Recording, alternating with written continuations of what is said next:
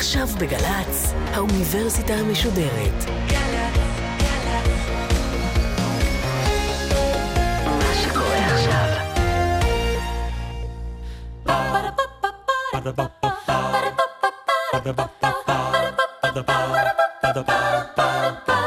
האוניברסיטה המשודרת מציגה מבוא ל עם קובי מידן, והסמסטר טקסטים מכוננים של הישראליות. והפעם שיחה עם אלטייב ע'נאיים מהמכללה האקדמית בית ברל על תעודת זהות מאת מחמוד דרוויש, עורכת ראשית מאיה גאייר.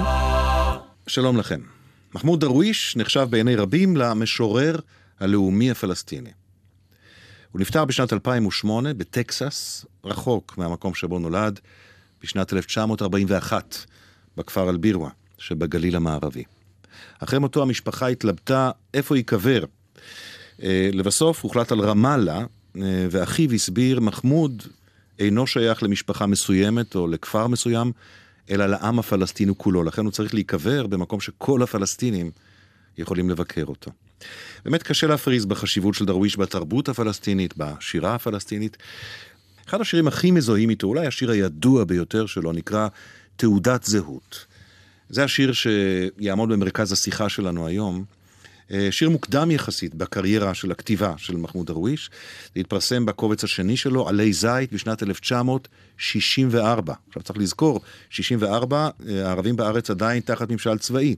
דרוויש, איש המפלגה הקומוניסטית, מכיר מבפנים לא רע את בתי המעצר הישראלים. והשיר הזה הוא מעין התרסה של נבדק ערבי כלפי חייל במחסום, אולי. הנה שורות הפתיחה שלו. תרשום, אני ערבי. מספר תעודת הזהות שלי הוא חמישים אלף. יש לי שמונה ילדים, והתשיעי יבוא אחרי הקיץ. זה מכעיס אותך? תרשום, אני ערבי, עובד עם חבריי פועלי המחצבה. יש לי שמונה ילדים, אני מביא להם לחם, בגדים ומחברות מתוך האבנים. אני לא מתחנן לצדקה מדלתך. אני לא מכווץ עצמי על מפתנך. האם זה מכעיס אותך?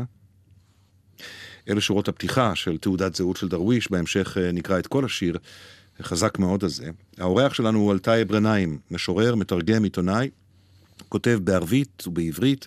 הוא חבר מערכת בכתב העת ארץ אחרת, הוא עורך ומתרגם ספרים רבים. אלטאי ברנאים, שלום לך. וברכה, שלום וברכה. אתה יודע, קראתי את שורות הפתיחה של השיר הזה, תעודת זהות של דרוויש מ-64. נכון. תרשום, אני ערבי. עכשיו, באופן אה, אוטומטי, אינטואיטיבי, שמתי לב שאני משווה לקול שלי אינטונציה ונימה כועסת. כן. צדקתי? טוב, אז אה, אכן כן, אה, מדובר בשיר כועס. של מחמוד דרוויש, שיר עם נימה של זעם, אשר מופנה אל הכובש, האויב, המתנחל, האחר הפולש, אפשר לקרוא לזה. וצריך לזכור שהשיר נכתב בשלהי שנות ה-50, תחילת שנות ה-60.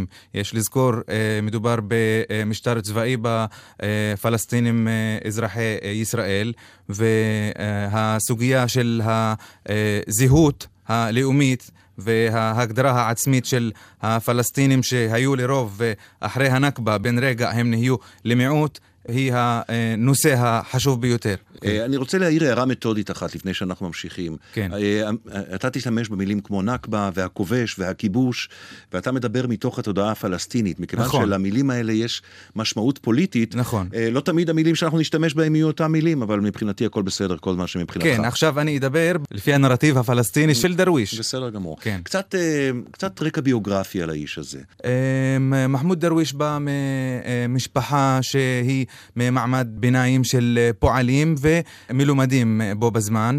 בהיותו בן שבע, אה, בהתרחשותה של הנכבה, המשפחה שלו ברחה, כמו כפרים ומשפחות רבות באותה עת, לכיוון לבנון. היו שגורשו כמובן והיו שברחו אה, מפחד ובגלל השמועות כמובן.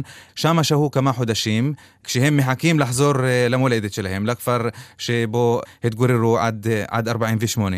ובחזרתם הם גילו שהכפר שלהם כבר נחרב, ועל חורבותיו הוקם אה, קיבוץ אחיהוד. בגלל זה המשפחה שלו החליטה לעבור אה, לגור אה, דיר אל-אסד, כפר סמוך, ומדיר אל-אסד עוד אה, גלות פנימית, אה, תזוזה פנימית קטנה לג'דיידה. משפחתו השתקעה בלג'דיידה, אבל הוא בתור יוצר צעיר עם כל המוטיבציה הפוליטית והספרותית כמובן, עבר לחיפה. זאת אומרת, כל הילדות שלו והנערות שלו הוא גר בבית שאינו בית המשפחה ההיסטורי, אבל במרחק קצר ממנו. קצר כלומר, מאוד. כלומר, הגלות הפנימית הזאת מאוד נוכחת בכל הגדילה שלו. ואני הייתי מוסיף לזה שהגלות הפנימית הזו אה, צרבה את התודעה הפוליטית ומטבע הדברים הפואטית אה, אצלו. כן. הילדות שלו והמעבר ללבנון והחזרה מלבנון אל הגליל אחרי 48, שהתרחש בתוך תקופה קצרה זו, השאיר את חותמו על התודעה. שלו ועל הכתיבה. עכשיו, אה, נדמה לי שהמפגש המכריע מבחינתו הוא המפגש עם המפלגה הקומוניסטית, עם החשיבה הקומוניסטית ועם כמה דמויות במפלגה הקומוניסטית. נכון מאוד, נכון מאוד. והמפגש אה, ש... אה, היווה בשבילו נקודה בזמן הנכון אה, ובמקום הנכון, הייתה בשבילו אה, קרש מקפיצה אל עולם הספרות והפוליטיקה.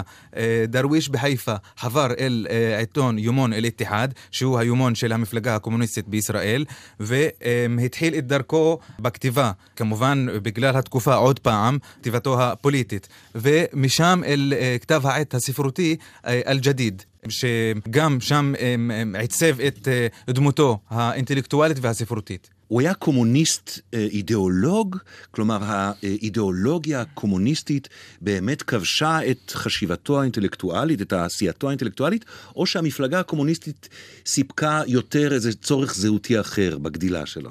גם אפשר להגיד שכן סיפקה צורך, אה, גם הייתי אומר אינטלקטואלי, וכן סיפקה מענה למצב הפוליטי בארץ, ויש לזכור שלא היו גם אה, שום מסגרות אה, פוליטיות אחרות. ו... כן, דרוויש היה בתחילת דרכו מרקסיסט וקומוניסט, אפשר להגיד, שדגל בחופש של האומות וכמובן חופש העם הפלסטיני. מהי החברה הפלסטינית 10-11 שנה אחרי 48. מה המצב שלה? באיזה מצב של הלם? מה הדימוי העצמי שלה? מה קרה למרכזים העירוניים שלה והתרבותיים שלה? קודם כל אפשר לומר במילה אחת, המצב של החברה הפלסטינית בשנה זו היה בשפל. ממש היסטורית. אולי הנקודה הכי שפילה של החברה הערבית שהגיעה אליה. זה מה שאומרים במילה אחת רע, בשתי מילים רע מאוד. בדיוק. כן. ואחד האפקטים והאסונות המיידיים כפועל יוצא ישיר של הנכבה, זה חורבן המרכזים האורבניים בארץ. יעני, לא נותר לא חיפה, לא יפה ולא אף עיר אחת. אנחנו שוב, עשר שנים אחרי 48. זה, זה חברה בהלם, זה חברה בתחושה שהחבר'ה הצעירים כועסים על המבוגרים יותר. מה קורה שם? זו חברה בהלם פוסט-טראומה וחברה שמנסה לעכל את, את אשר התרחש לה לפני עשור ולא מצליחה בגלל שאין לה uh, מנהיגות שתוביל את העצמאות או גיבוש הזהות או uh, לקראת פתרון uh, פוליטי חברתי. ובו בזמן החברה הפלסטינית אה, בארץ בתחילת שנות ה-60, אפשר להגיד, זו מילה קשה, אבל אה, הפנימה סוג של כניעה אה, מסוימת מול, ה, מול האחר, הישראלי היהודי. זה כניעה של אחרי, אחרי 48. זו חברה שהתפיסה העצמית שלה היא של חברה מובסת. התבוסה, זו, זו מילת המפתח בהקשר הזה. עכשיו, ובתוך ההקשר הזה, ברגע הזה בזמן מופיע הקול של דרוויש, אבל לא לבד, מופיע הקול של חבורה של לא סופרים לבד, ומשוררים, נכון, נכון. שהם משמיעים קול חדש, מציעים אופציה שהצעיר הערבי בישראל יכול להזדהות איתה יותר. מה האופציה הזאת? האופציה היא לקום ולחשוב על אה, איך משתחררים מהמשטר הצבאי. הם מציעים קול זועם, קול אה, לוחם, אה, קול שרוצה להיאבק במצב החדש, הכנוע של החברה הפלסטינית בישראל אחרי הנכבה. אז בואו נחזור לשורות הפתיחה של השיר הזה, כן. שאולי ה... ההמנון של הדור הזה, ההמנון של השנים האלה. אתה תקרא את שני הבתים הראשונים שאני כבר קראתי כן. בערבית, ואחר כך אני אמשיך הלאה, בסדר? שם של השיר בערבית זה בטאקת הוויה. تودات زهود سجل أنا عربي ورقم بطاقتي خمسون ألف وأطفالي ثمانية وتاسعهم سيأتي بعد صيف فهل تغضب؟ سجل أنا عربي وأعمل مع رفاق الكدح في محجر وأطفالي ثمانية أسل لهم رغيف الخبز والأثواب والدفتر من الصخر ولا أتوسل الصدقات من بابك ولا أصغر أمام بلاط أعتابك فهل تغضب؟ והנה התרגום של אותן שורות עצמן, התרגום של סמי שלום שטרית. תרשום, אני ערבי. מספר תעודת הזהות שלי הוא 50 אלף. יש לי שמונה ילדים, והתשיעי יבוא אחרי הקיץ. האם זה מכעיס אותך? תרשום, אני ערבי. עובד עם חבריי פועלי המחצבה, יש לי שמונה ילדים, אני מביא להם לחם, בגדים ומחברות מתוך האבנים. אני לא מתחנן לצדקה מדלתך, אני לא מכווץ עצמי על מפתנך. האם זה מכעיס אותך? ואני ממשיך. תרשום, אני ערבי. יש לי שם ללא תואר. סבלני בארץ, בה הכל חיים ברוגז. שורשיי היו מחופרים עוד לפני לידת הזמן, לפני תחילת העידנים, לפני האורנים ועצי הזית, ולפני שצמח העשב. אבי צאצא למשפחת המחרשה, לא ממעמד אצילים, וסבי היה פלח, לא מיוחס ולא מקושר, לימד אותי את גאוות השמש, לפני שלימדני לקרוא. וביתי, בקתת השומר, עשוי ענפים וקנים. האם אתה מרוצה ממצבי? יש לי שם ללא תואר. זה עדיין לא סוף השיר, לסופו נגיע בהמשך, בהחלט שורות אה, חזקות מאוד. אני קורא את דרוויש, אה, כמו עכשיו, דרך תרגום. נכון. אני רוצה לספר לך איזה קול של משורר עובר אליי, ותגיד לי אם אני מדייק. Okay, כלומר, אם, כן. אם התרגום מצליח להעביר. אני קודם כל, אתה דיברת על דור שלא יודע, יש משהו בקול שלו שיודע. יש משהו בקול שלו שנוכח, שתופס מקום. שיודע מי הוא. כי הוא הקול החדש. אז זה דבר אחד, והוא אפילו יודע כשהוא מדבר על... על כישלון ועל אי ידיעה. גם אז הוא יודע, זה דבר אחד. דבר שני, וזה קשור, הוא מחובר מאוד למסורת התרבותית והאסתטית שלו, קשור מאוד, ויש חלקים, לא הכל, חלקים שלמים, הייתי אומר, מוטיבים אסתטיים מהתרבות שלו, שהוא משתמש בהם אה, בצורה לגמרי אינטואיטיבית, לגמרי כחלק מהשפה שלו. ויש צבעוניות בשפה, ויש...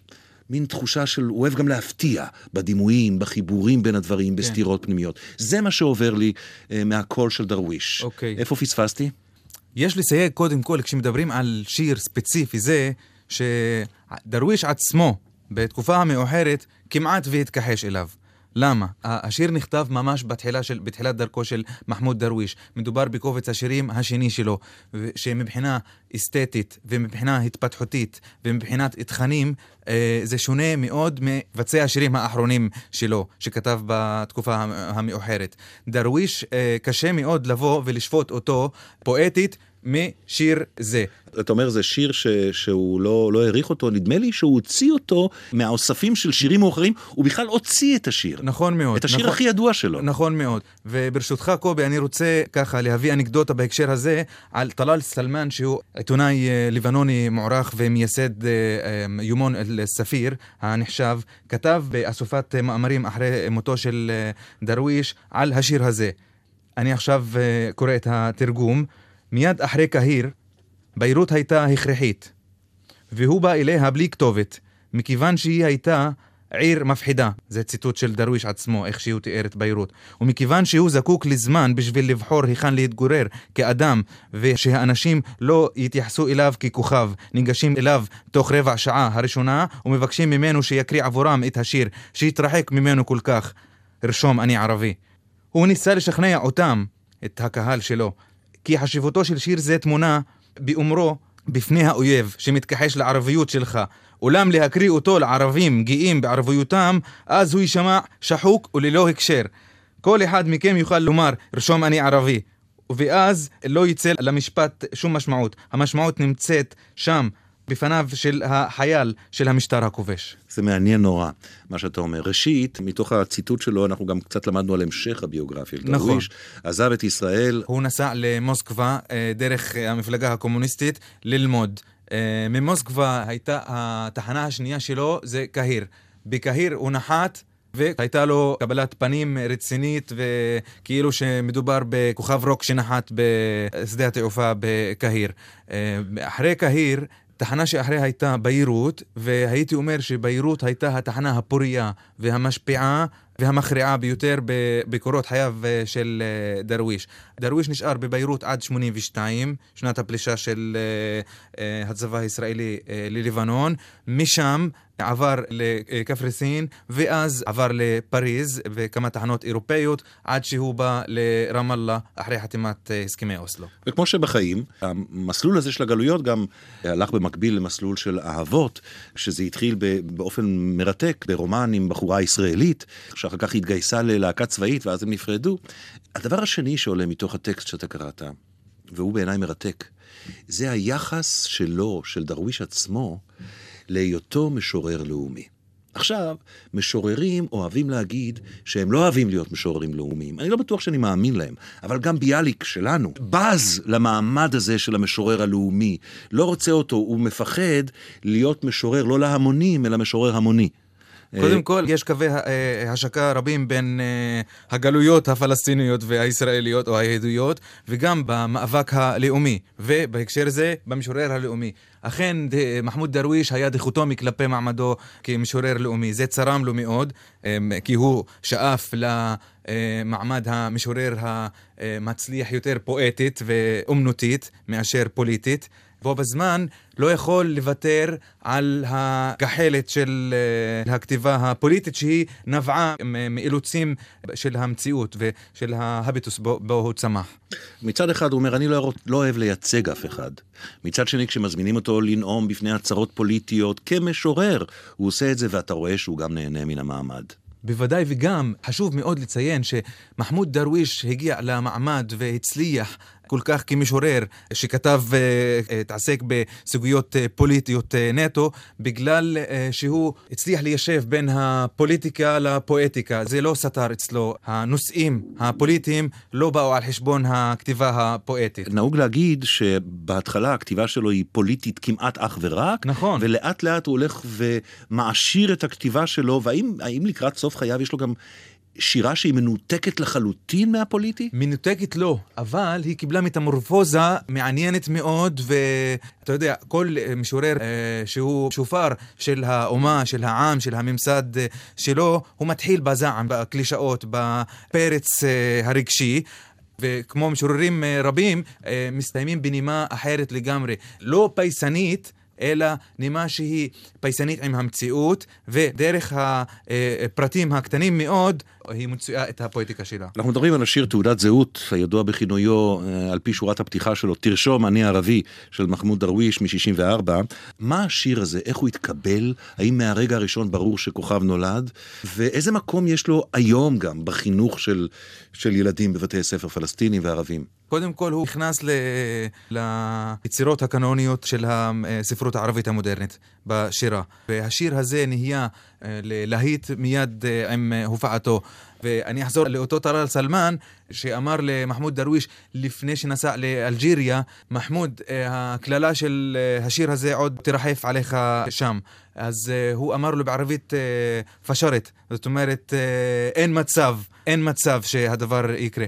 וכשהוא חזר מאלג'יריה, ניגש לסלמן בחזרה ואמר לו, אתה צודק.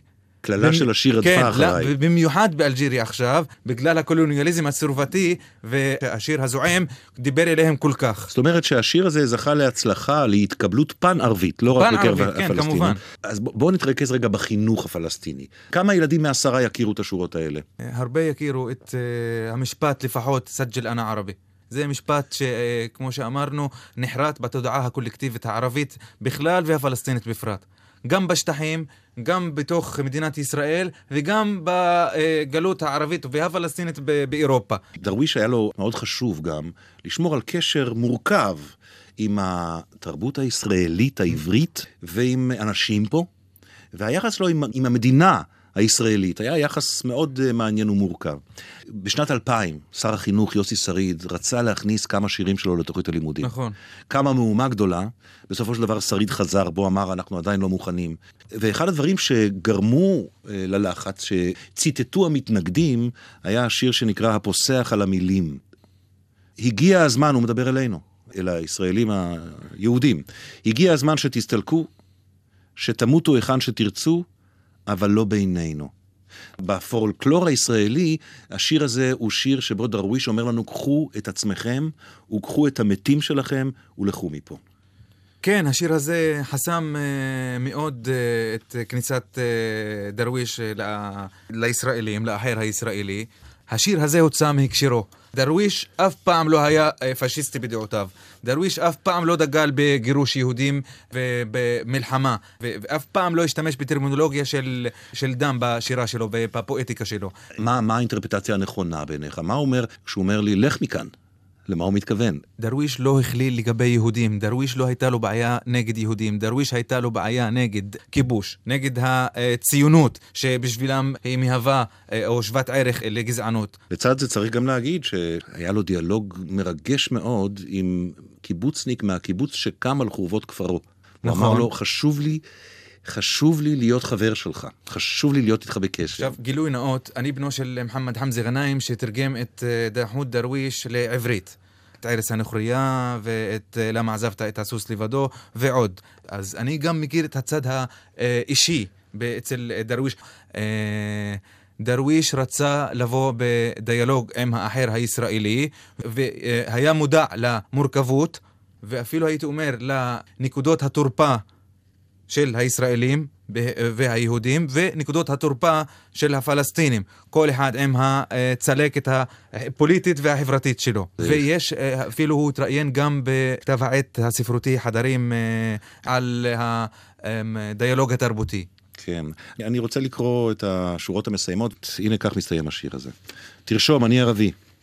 צבע שערי פחם, צבע עיניי חום, תכונותיי, לראשי עקל על כפיה, כף ידי חזקה כסלע, כתובתי, אני מכפר שכוח חסר הגנה, רחובותיו נטולי שמות, וכל גבריו בשדות ובמחצבה. זה מכעיס אותך? תרשום, אני ערבי. אתה גזלת את הפרדסים של אבותיי, ואת האדמה אשר איבדתי אני וכל ילדיי, ולא הותרת דבר לנו ולצאצאינו מלבד האבנים האלה. אז האם השלטון ייקח אותן? כפי ששמענו אומרים. לכן תרשום בראש העמוד הראשון, אני לא שונא אנשים ואינני פולש. אבל אם אהיה לרעב, בשרו של הכובש יהיה לי למאכל. היזהר, היזהר מהרעב שלי, מהזעם שלי. سجل أنا عربي ولون الشعر فحمي ولون العين بني وميزاتي على رأسي عقال فوق كوفيه وكفي صلبة كالصخر تخمش من يلامسها. وعنواني أنا من قرية عزلاء منسية شوارعها بلا أسماء وكل رجالها في الحقل والمحجر. فهل تغضب؟ سجل أنا عربي سلبت كروم أجدادي وأرضا كنت أفلحها. أنا وجميع أولادي ولم تترك لنا ولكل أحفادي سوى هذه الصخور فهل ستأخذها؟ حكومتكم كما قيل اذا سجل براس الصفحه الاولى انا لا اكره الناس ولا اسطو على احد ولكني اذا ما جعت اكل لحم مغتصبي حذاري حذاري من جوعي ومن غضبي האם אדם שכותב היום, בחור צעיר שמתיישב בנצרת או בשכם, לכתוב שירה, המודל הבסיסי להתייחסות זה דרוויש או כבר לא? עדיין דרוויש, ו... מרוב שדרוויש הוא המודל האולטימטיבי והישיר והראשון לכל משורר בתחילת דרכו, הוא נהיה קללה עבור הדור הצעירים, מכיוון שכולם נכלאים, הייתי אומר, בחיקוי של דרכו, ואז מאבדים. ביחסים האלה בין משורר צעיר לבין משורר גדול שמאפיל עליו או מצל עליו, כן. נהוג להשתמש בביטוי חרדת ההשפעה. ומחמוד דרוויש היה שונה מרוב גדולי המשוררים הערבים. הערבים, חוץ מאחד, מנזר קבאני, בהיותו עם קהל מעריצים ואוהבים. מכל הגילאים, כמו שמדובר בכוכב רוק. אין לי ספק שהוא לא היה אוהב את התוכנית הזאת. קודם כל כי היא מתרכזת בשיר שהוא לא כל כך אהב אותו. נכון. ושנית, יש המון דברים שלא נכנסו לשיחה הקצרה הזאת מאוד שלנו. אבל אה, אי אפשר הכל. אנחנו נסיים במילים האלה. אלתאי רנאים, תודה רבה לך על השיחה הזאת. בבקשה.